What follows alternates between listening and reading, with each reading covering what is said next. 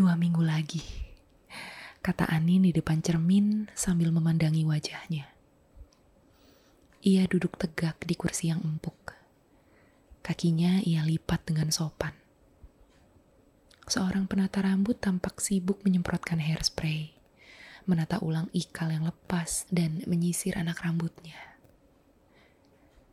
Sudah selesai, Mbak. Si penata rambut melepaskan masker hijau mudanya. Pekerjaannya pagi itu selesai sudah. Wah, terima kasih banyak, Mbak. Ucap Anin berseri-seri. Ia tidak bisa menutup-nutupi kebahagiaannya. Pukul setengah tujuh lebih sedikit, rambutnya sudah siap. Tinggal berganti pakaian dan menanti calon tunangannya tiba.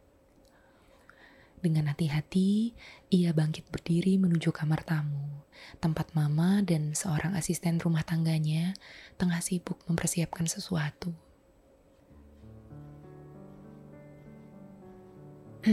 Ma, udah, tegurnya perlahan. Sang mama terkesiap. Anak gadisnya semata wayang hari ini akan bertunangan dan seketika air mukanya penuh haru. Ia mendongakkan kepala, sembari kedua tangannya mengibas udara, seolah mengusir air mata untuk turun merusak riasan wajahnya. Sini, sini, sini, kata mama akhirnya.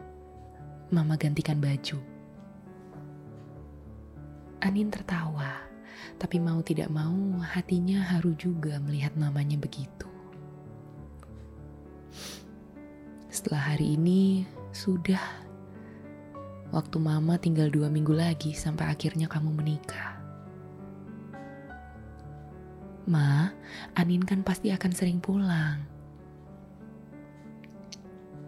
Anin segera berbalik dan memeluk mama dengan kedua tangannya.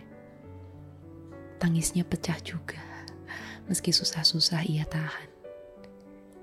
Mereka lebur dalam pelukan, entah sudah berapa lama.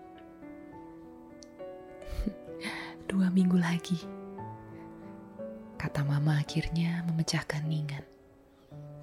Tapi kali ini dengan semangat yang berbeda.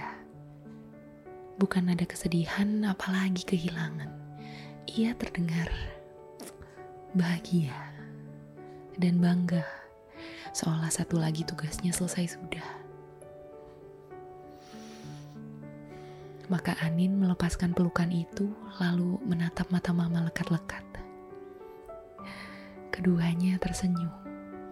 Ada jejak air mata haru di sepanjang pipi mereka. Dua minggu lagi,